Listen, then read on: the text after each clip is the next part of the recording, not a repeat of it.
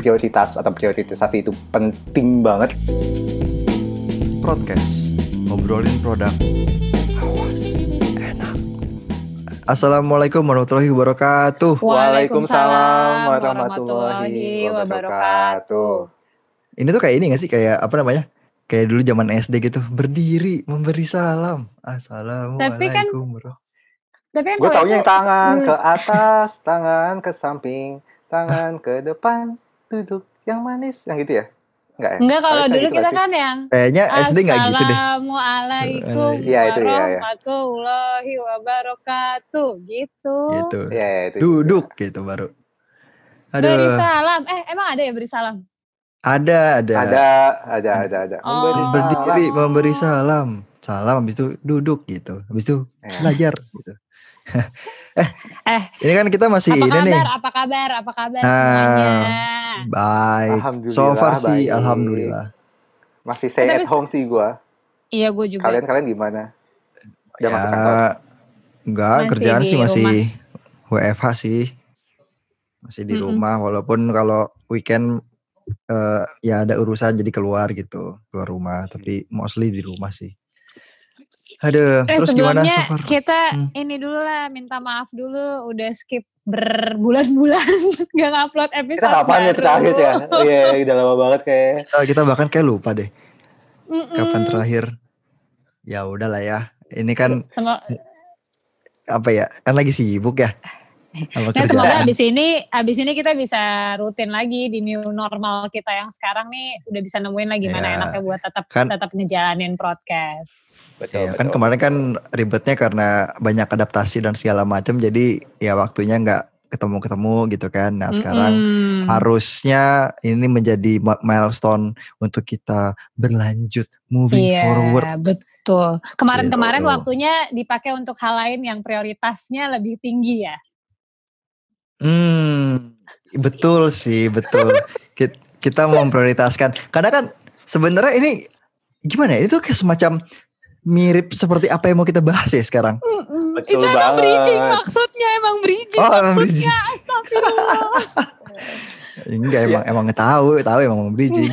Oke, jadi oke, jadi kita sebenarnya buat teman-teman juga eh, kita mau bahas tentang prioritization ya kali ini ya di Mm-mm, episode mm, ini. Betul. Mm, mm, mm, mm. So- Soalnya kan eh, kerjaan inti product manager itu kan pasti ya nggak jauh-jauh tentang product development tuh. Dari kita ngedefine Hmm. visionnya, kita breakdown planning-planningnya, terus implementasinya, eksperimennya, sampai ke growing produknya pas udah live gitu kan untuk naikin metrics dan segala macam. Nah, tapi di sisi lain kan selalu ada namanya limitasi, keterbatasan. Kayak misalkan resource terbatas, jumlah orangnya terbatas, atau waktunya terbatas gitu kan. Ya. Pastinya beberapa plan atau beberapa rencana yang mau ditaruh gitu di product development itu mungkin harus ngalah dengan plan lainnya gitu. Nah, di sini sebenarnya prioritization punya peran yang penting. Iya, terus jangan lupa juga kita kan biasanya sebagai product manager stakeholdersnya banyak tuh. Ada business stakeholder, ada dari desain dan dari tech, terus masih banyak lagi. Nah, setiap stakeholders kan juga punya kepentingan masing-masing kan. Terus kayak punya apa ya, target masing-masing, punya plan Ya. masing-masing. Nah, si PM yang berurusan sama semua stakeholders ini tuh penting banget untuk bisa bernavigasi supaya bisa menentukan dan memastikan prioritas yang baik untuk inisiatif-inisiatif yang ada gitu. Ya, ah, ah, betul, banget sih. Jadi eh, kita sih mikirnya, eh, yo, kata emang pemberikan prioritas atau prioritisasi itu penting banget untuk seorang product eh, manager. So kita di episode ini pengen itu sih eh, ngobrol bahas gimana eh, kita so pengalaman dalam mengelola skala prioritas dari eh, istilahnya inisiatif-inisiatif eh, produk yang eh, kita handle selama ini terus kira-kira tantangannya apa aja, uh, mungkin uh, ada tips-tips gimana sih kira-kira uh, cara melakukan pemberian prioritas supaya uh, ya semua orang-orang pihak-pihak yang berkepentingan itu bisa buy in, bisa uh, terima uh, pemberian prioritas itu dan nanti ujung-ujungnya juga untuk kepentingan uh, company dan juga pastinya customer kita yang tercinta sih. Gitu. Iya, soalnya kan kayak kalau ngobrol sama beberapa teman-teman product manager gitu kan banyak banget ya apa ya salah satu salah satu common issues-nya adalah bagaimana menentukan tadi kan masalah prioritization itu. Sebenarnya hmm. menurut gue sih ada ada banyak cara ya uh, atau bahkan udah jadi framework ya metode atau framework untuk iya. menentukan yeah. prioritization. Um, tapi mungkin ada yang kayak apa sih uh, impact versus effort apa segala macam gitu-gitu kan atau apa sih kayak hmm. bikin matrix antara apa ya uh, atau bikin apa sih uh, Moskow ya kayak uh, must have, nice Moscow. to have segala macam. Ya, ya, ya, macam ah, itu macam-macam ya. Cuman uh. kalau menurut gue sih so far yang lumayan uh, praktis ya, lumayan praktikal, gampang untuk dijalanin dan juga cukup simple itu menurut gue namanya RISE framework. Oh, apa tuh? Itu ya kalau salah yang diciptain politikus itu kan kita ada satu politikus namanya Amin. Hah? Amin Amin Rais itu ya. Oh beda. Oh, oh, iya. Beda ya, beda. oh beda, beda, beda. Rais, untung, Raisnya apa sih?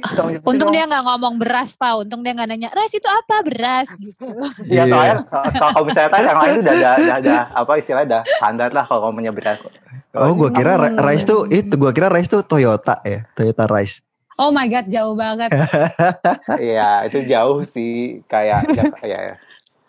Jadi rice ya, apa sih bisa gimana sih rice rice? Rice itu ya rice sebenarnya rice persis kayak beras R I C E dan hmm. singkatan sebenarnya. Jadi sebenarnya si rice framework ini itu suatu framework yang ngebantu participation dengan cara mengkuantifikasi dari empat komponen karena karena ada empat huruf ya empat huruf itu menentukan empat komponen itu yang pertama hmm. adalah rich rich hmm. rich itu rich itu apa? Kayak nah Uh, bukan, bukan rich kaya. Ini rich tuh oh. apa sih cakupan? Cakupan. Jangkauan, jangkauan. Oh, jangkauan. Jangkauan. Oke, oke, oke. Nah, jadi rich itu maksudnya adalah seberapa banyak user yang kita akan dapat eh sorry, user kita yang akan dapetin impact dari inisiatif ini. Misalkan kita punya inisiatif, terus berapa banyak sih user yang bakal dapetin si uh, benefit atau impact dari inisiatifnya itu. Nah, ya, itu tuh ini bisa usernya hmm? nggak hmm? Kan tadi uh, Paul bilang user kita. Tapi nggak berarti hmm. user existing doang kan ya. Jadi bisa juga user baru gitu. Bisa, bisa. Intinya bisa. berapa banyak user gitu. Betul, betul. Dan itu usernya konteksnya uh, di sisi produknya itu sendiri. Jadi bukan kalau di style teori kalau ada satu produk ya user produknya itu doang, bukan semua style teorinya hmm. gitu atau kayak dibuka kayak itu juga. Hmm. Yeah. Betul, um, Nah, jadi dari jumlah user reach-nya itu bisa dihitung sebenarnya estimasi jumlah user tuh ada berapa gitu kan. Itu yang pertama. Hmm. Yang kedua tuh impact. Impact I, ya? itu I impact. I, ya, I impact. Okay. Intinya kita hitung berapa berapa besar impact yang bakal diterima oleh si user itu. Nah sebenarnya kan untuk ngitung impact susah-susah gampang ya. Iya, Jadi, gimana ngitung impact? Kalau ngitung jumlah nah, user kan tinggal jumlahnya, Paul. Kalau ngitung iya. impact gimana? tinggal impactnya, enggak ya? ya tinggal impact kan. Kesel ya. Iya. nah jadi uh, sebenarnya mungkin gampangnya kita kayak bikin skala dulu aja sih. Kayak kita bikin uh, estimasi tapi estimasi rough aja dulu. Kayak misalkan pakai skala kalau misalkan impactnya itu masif kayak gede banget atau dia high gitu impactnya tinggi atau medium atau low atau bener-bener minimum gitu. Nanti dari situ kita kita hitung aja. Misalkan kalau dia masif jadi masif tuh kayak kita yakin banget nih bakal impactnya bakal gede banget. Jadi kayak kita kasih angka tiga jadi tiga kali gitu atau oh, kalau cuma scoring gitu ya berarti Iya kayak dibikin scoring gitu. Kalau high itu dua, kalau medium satu, kalau low setengah, kalau minimum seperempat gitu. Jadi okay. kita bisa bisa ngebedain kalau itu paling kecil-kecil aja impactnya ya itu jauh lebih kecil ketimbang yang masif tapi kelihatan antara tiga sama setengah gitu misalkan. Itu. Okay. Tapi itu mungkin di, di awal cukup sih harusnya. Terus yang ketiga confidence. Confidence itu seberapa okay. yakin atau seberapa pede. C. C ya kan C, yeah, confidence. C. Um, seberapa yakin atau PD-nya kita untuk mencapai estimasi ini. Misalkan hmm. kita tahu nih impactnya masif banget tiga kali, tapi kita sendiri nggak yakin nih ini bisa nggak ya kita kita achieve ini dalam dalam satu waktu tertentu gitu. Kalau kayak gitu ya karena confidence levelnya rendah, ya udah jadinya masuknya ke confidence-nya low, low confidence. Jadi kita bisa kayak bagi gitu antara high confidence, medium level of confidence sama low. Kalau high kita kasih uh, persennya uh, kita itu pakai persen 100%. Hmm. ya kan? Kalau medium 80%, kalau low setengahnya aja gitu. Jadi nanti pas kita tahu, oke okay, ini bakal reach banyak, tapi impactnya uh, sedikit, tapi kita yakin bisa achieve. Mungkin angkanya bisa lebih tinggi ketimbang kita yakin reach-nya gede, impactnya gede banget, tapi kita nggak yakin. Jadi ada hmm. rasionya gitu. Iya, iya. Pak, eh, tapi kalau misalnya si confidence ini dia harus hmm. dalam percentage atau boleh pakai scoring kayak impact tadi. Misalkan kalau tadi yang dikasih contoh sama lo tuh high 100% hmm. gitu, misalnya medium hmm. 80%. Hmm. Boleh nggak sih hmm. kalau uh, kita ngeganti kayak misalnya high tadi dikali tiga, terus medium dikali dua, kalau low dikali satu gitu. Bisa juga ya Seben berarti. Sebenarnya bisa juga. Uh, cuman mungkin gini, confidence ini kan lebih ke arah kita tuh mau chip in berapa banyak sih gitu? Apakah kita mau hmm, hmm, hmm. menyerahkan 100% dari makanya kenapa dibikin dalam bentuk persentase? Kalau yang gue baca ya, itu lebih ke arah karena kita berapa berapa persen sih kita mau mencurahkan effort kita gitu. Yeah, kalau yeah, misalkan yeah, kita yeah. mau bikin uh, misalnya mau dikalinya kayak tiga dua satu gitu juga nggak apa-apa. Cuman takutnya per, perbedaan tiga sama satu di level confidence tuh nggak terlalu kelihatan gitu. Bisa bisa kayak ah, gitu. Ah iya iya. Make sense, make sense. Uh, uh. Nah, terus yang keempat Terus yang terakhir. E itu adalah e. effort. Effort. Effort ya.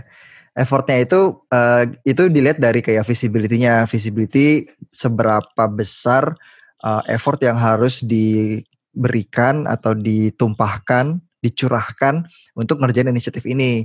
Jadi kalau misalkan effortnya gede banget, ya ya udah berarti kan effortnya gede. Nah, cara hitungnya mungkin yang paling gampang cara hitungnya paling yang mungkin gampang tuh bisa dilihat dari ini kayak person person month gitu. Jadi kayak kita mau uh, ada satu inisiatif inisiatif A itu butuh berapa banyak orang dalam berapa bulan gitu misalkan. Oh ini mirip-mirip man hour hmm. tapi person month ya. Iya mirip-mirip ya, kayak man hour tapi person 11, month. 12 kan ini kan 11, 12. karena ya ini 11 12 lah 11 12 11 12. 12 sebel banget. Okay, karena kalau man hour kalau man hour jadi gede banget nanti angkanya ya kan. Dan enggak sebenarnya bukan karena gedenya tapi lebih ke ini kan estimasi di awal. Ini kan kayak rough estimation. Kalau kita langsung ke yeah, main hour, true. effort kita untuk bikin planning tuh kayak terlalu overkill sih. Hmm, padahal prioritas bikin planning nggak overkill sih. Terus kembali lagi ngomongin prioritas dan effort. Iya, sebisa mungkin sih nggak overkill ya. Nah, terus jadi kan setelah kita punya empat komponen ini nanti kita hitung uh, hitungnya tuh kayak reach dikali impact dikali confidence dibagi effort. Nah, ntar hmm. ketahuan deh. Ketahuan jadi kan kalau misalnya effortnya gede berarti kan pembaginya gede. Kalau effortnya kecil jadi kerjaannya gampang berarti kan skornya bakal gede juga anyway. Lalu ntar hasil dari perhitungannya kita urutin deh final skornya. Nah, angka yang paling tinggi itu punya prioritas yang prioritas yang paling tinggi juga gitu ceritanya. Hmm, Got it. Menarik sih, menarik banget. Hmm, hmm, menarik, yeah. menarik. Nah itu kan bisa jadi salah satu framework ya. Mungkin tadi Pak udah ngejelasin framework. Kalau gue di sini pengen lebih ng ngangkat ke tips and triknya gimana sih supaya prioritization prioritization itu bisa lebih lancar. Yang gue rasain sih supaya bisa lebih lancar tuh kalau mau enak tuh kita kolaborasi. Ya stakeholder kita banyak. Nah diajak kolaborasi yeah. tuh stakeholdernya. Nah setuju, kalau setuju, setuju. iya gimana sih cara ngajak kolaborasinya gitu kan? Pertama sih yang jelas kita mesti ngobrol bareng, sering-sering ngobrol bareng tuh, gitu bahas ya? problem-problem yang ada apa. Kayak guys, collab you guys, collab gitu. Uh. ya. Kol kolaborasi, kolaborasi. Soalnya gue pas itu kalau kalau dengar orang ngomong kolaps, gue ngomongnya, hah ini kolaps apa gedung kolaps? Oh, ketahui ya kolaps itu kolaborasi. Oh jatuh. Ya tadi kayak, hah kolaps itu apa jatuh? Oh oke. Okay. Ya, Tapi kan lagi ngetren kan sekarang orang-orang di mana-mana kolaborasi. Iya iya nah, iya, iya kayak, betul betul kayak tadi deh misalnya kita mau pakai si RISE framework itu kan hmm. ada reach tuh terus ada hmm. impact nah sebenarnya hmm. reach sama impact nih kalau dihitung sama product manager sendirian tuh agak agak ribet karena hmm. ya kita kan harus maksudnya kayak sebagai produk sendiri kan ada beberapa produk kita yang reach-nya tuh akan bergantung ke uh, tim lain juga misal marketing atau ya. uh, bisnis timnya jadi kayak buat ngitung reach sama impact tadi biar lebih gampang dan lebih align mungkin bisa bareng-bareng tuh sama si bisnis tim misal hmm. revenue-nya atau bisnis juga bisa ngebantuin buat bikin formulasi misal kayak churn kalau kita yeah. mau ngurangin churn ada formulasi dari bisnisnya nah dengan hmm. kayak gitu tuh menurut gue pribadi ya uh, pas kita ngomongin priority prioritinya ABC 1 2 3 4 itu tuh jadi hmm. lebih jadi lebih align gitu loh terus kayak yeah. gak banyak konflik yang terjadi juga gitu nanti yeah. karena ada ada buy-in ya kalau Iya, karena bareng-bareng kan ngerjainnya gitu. Dan kita juga ngestimasi berdasarkan uh, masukan atau berdasarkan data yang mereka kasih gitu sebagai bisnisnya. Hmm. Terus hmm. kalau dari sisi confidence sama effort, confidence juga bisa ya kita collab sama bisnis gitu kan. Karena kan uh, seberapa yeah. ko, seberapa confidence sih mereka buat nyap, mencapai reach yang ditargetin itu misalnya. Terus hmm. kalau misalnya effort tuh paling penting banget menurut gue kita kolaborasinya bareng sama tech team karena kan mereka yang lebih tahu lah untuk untuk bikin ini gimana gitu. Jadi hmm. dengan kita kolaborasi hitung-hitungannya lebih enak, nggak pusing-pusing. Ya pusing pasti tetap pusing, cuman kayak ada banyak bantuan yang kita dapetin. Terus pas kita lagi alignment juga lebih gak, lebih cepat alignmentnya gitu kan. Mm-hmm. Tapi uh, gue setuju banget, setuju, setuju banget sama Winda. I, I mean, jangan, jangan merasa uh, apa istilahnya kalau misalnya sebagai PM adalah oke, okay, this is my product and then this is like up to me at all, and then ya udah, uh, ini gue yang decide seluruhnya dan kalian yang lain tuh kayak stakeholders tinggal ngikutin aja. I, I know everything gitu. Menurut gue itu kayak mindset yang istilahnya kurang tepat ya, karena sebetulnya ini kan untuk kepentingan uh, bersama juga gitu. So so I I think like uh, involving like everyone uh, at the very early stage uh, dan uh, itu penting-penting banget sih untuk uh, membuat prioritisasi ini gitu.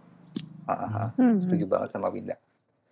Terus uh, kalau ya uh, uh, uh, tadi aku cuma ingin tambahin dikit aja sih jadi mungkin selain yang tadi jelasin uh, di atas ada ada rights framework dan perlu uh, istilahnya kolaborasi uh, yang yang apik uh, antara bah, semua apik stakeholder. Itu yang keren sih apik. ya, aku juga mikir sih kadang-kadang uh, membuat prioritas ini emang kinda kinda like uh, uh, art butuh art juga gitu karena karena uh, sometimes kita perlu untuk tahu uh, Amin dari sisi yang cukup high level ya. Jadi misalnya hmm. kita perlu tahu strategic values-nya dari company itu apa sih. Kadang-kadang uh, dari company ada uh, mereka punya direction sendiri, ada kadang-kadang pengen nyobain uh, mungkin business verticals atau kadang-kadang dari engineering mereka kepikiran ngebuat apa terus uh, ya hal-hal seperti itu sih misalnya ya misalnya supaya supaya praktikal kadang-kadang hmm. dari engineering pengen oh kita uh, harus diimprove nih uh, dari sisi uh, engineeringnya misalnya ada tech debt nih kalau misalnya kita nggak jalanin tech debt ini lu dalam enam uh, bulan ke depan karena growth tinggi lo web lo nggak akan bisa jalan gitu mungkin oh, iya, aja iya. apalagi kan startup tuh kan hyper growth banget kan jadi Betul. Uh, ya pasti itu, banyak itu, utang ya. lah ya Iya. Iya, iya gitu. Terus improve reliability, security gitu. Apalagi security kan sekarang uh, makin penting kan gitu. Yep. Uh, dan itu uh, terkait misalnya juga yang lain ada uh, compliance. Compliance itu penting gitu. Uh, terkait security juga karena kalau nggak comply bisa jadi uh, ya ditutup bisnisnya bisa, ditutup. Exactly bisnis ditutup atau mungkin viral di sosmed uh, ada ya viral di sosmed terus uh, usernya pada churn semua gitu. Walaupun kalau misalnya secara impact kita kerjain itu mungkin nggak langsung directly impact to revenue atau betul, growth betul. Uh, gitu tapi kita perlu konsumsi lebih ke long term lah ya itu ya, impactnya sebenarnya exactly iya exactly. benar benar betul betul atau mungkin kalau dari manajemen pengen coba new verticals baru supaya yeah. uh, eh, ya supaya supaya yeah. apa ya mau minta kita bingung enggak enggak. Apa? Kayak kayak tadi pengen nambahin aja kayak kalau dari manajemen mungkin paling kerasa pas lagi covid ini kali. Nggak tahu ya kalau yeah, di yeah. tempat gue kan kayak tiba-tiba harus banyak uh, beberapa tempat yang harus banting setir gila-gilaan kan. Jadi segala yeah, prioritas yes, yang yes. udah dibuat mungkin harus dialain lagi gitu. Yes yes yeah. yes yes. True true true true. Oke okay, ya yeah. iya. Tapi sebenarnya kayak ngomongin prioritas ya, kayak tadi aja pas kita ngobrol di awal-awal kan kita cerita kalau minta maaf kita udah lama gak uh, rekaman karena kita bingung juga lagi kayak gini, lagi apa work from hmm. home, apa semua aktivitas dari rumah, prioritasnya hmm. jadi bergeser. Kayak betul, emang betul. setiap hari juga hidup kita tuh isinya tentang prioritization juga Prioritas. kan gitu. Betul. Ya. Cuma betul. ya cuma mungkin bedanya kalau urusan yang berhubungan sama product management ini ada framework-framework yang bisa kita pakai nih untuk memudahkan kita gitu. Yang kalau misalnya framework itu dipakai di kehidupan sehari-hari ribet sih kayaknya gitu. Cuma di sini bisa nggak bikin kita lebih gampang juga kan gitu. Ya, ya, Oke. true, true. Iya, bener banget sih. Karena sebenarnya eh, selain dari REST sebenarnya ada ada banyak metode lain sih, nggak cuma REST doang. Dan kayaknya teman-teman juga bisa cari beberapa alternatif lain. Soalnya balik lagi sih ke kondisi tim sama perusahaannya masing-masing. Mungkin untuk Iya yang benar. eh ah, ya kan kalau misalkan apalagi apalagi co- contohnya sekarang lagi pandemi kan bener-bener butuh shifting gede-gedean yang sangat dramatis. Mungkin REST bukan eh, metode yang tepat gitu. Mungkin lebih karena alignmentnya dulu yang penting, metodenya nanti deh gitu. Yang penting buy in dulu gitu kan. Iya iya. True, true, true. True. Ah, oke, jadi tadi udah ya udah udah udah ah, istilahnya ah, kita kita udah lumayan lah. Tadi kita bahas tentang Cities framework, ah, how berkolaborasi dan ya ada hal-hal lain yang perlu diperhatikan sehingga pemberian prioritas ini tanda kutip artsy juga sih. tuh ada Seni sih ya. Produk, ada, ada produk seninya manajemen lah, adalah seninya lah. Iya, Betul. Betul, Seninya banget seninya jadi PM.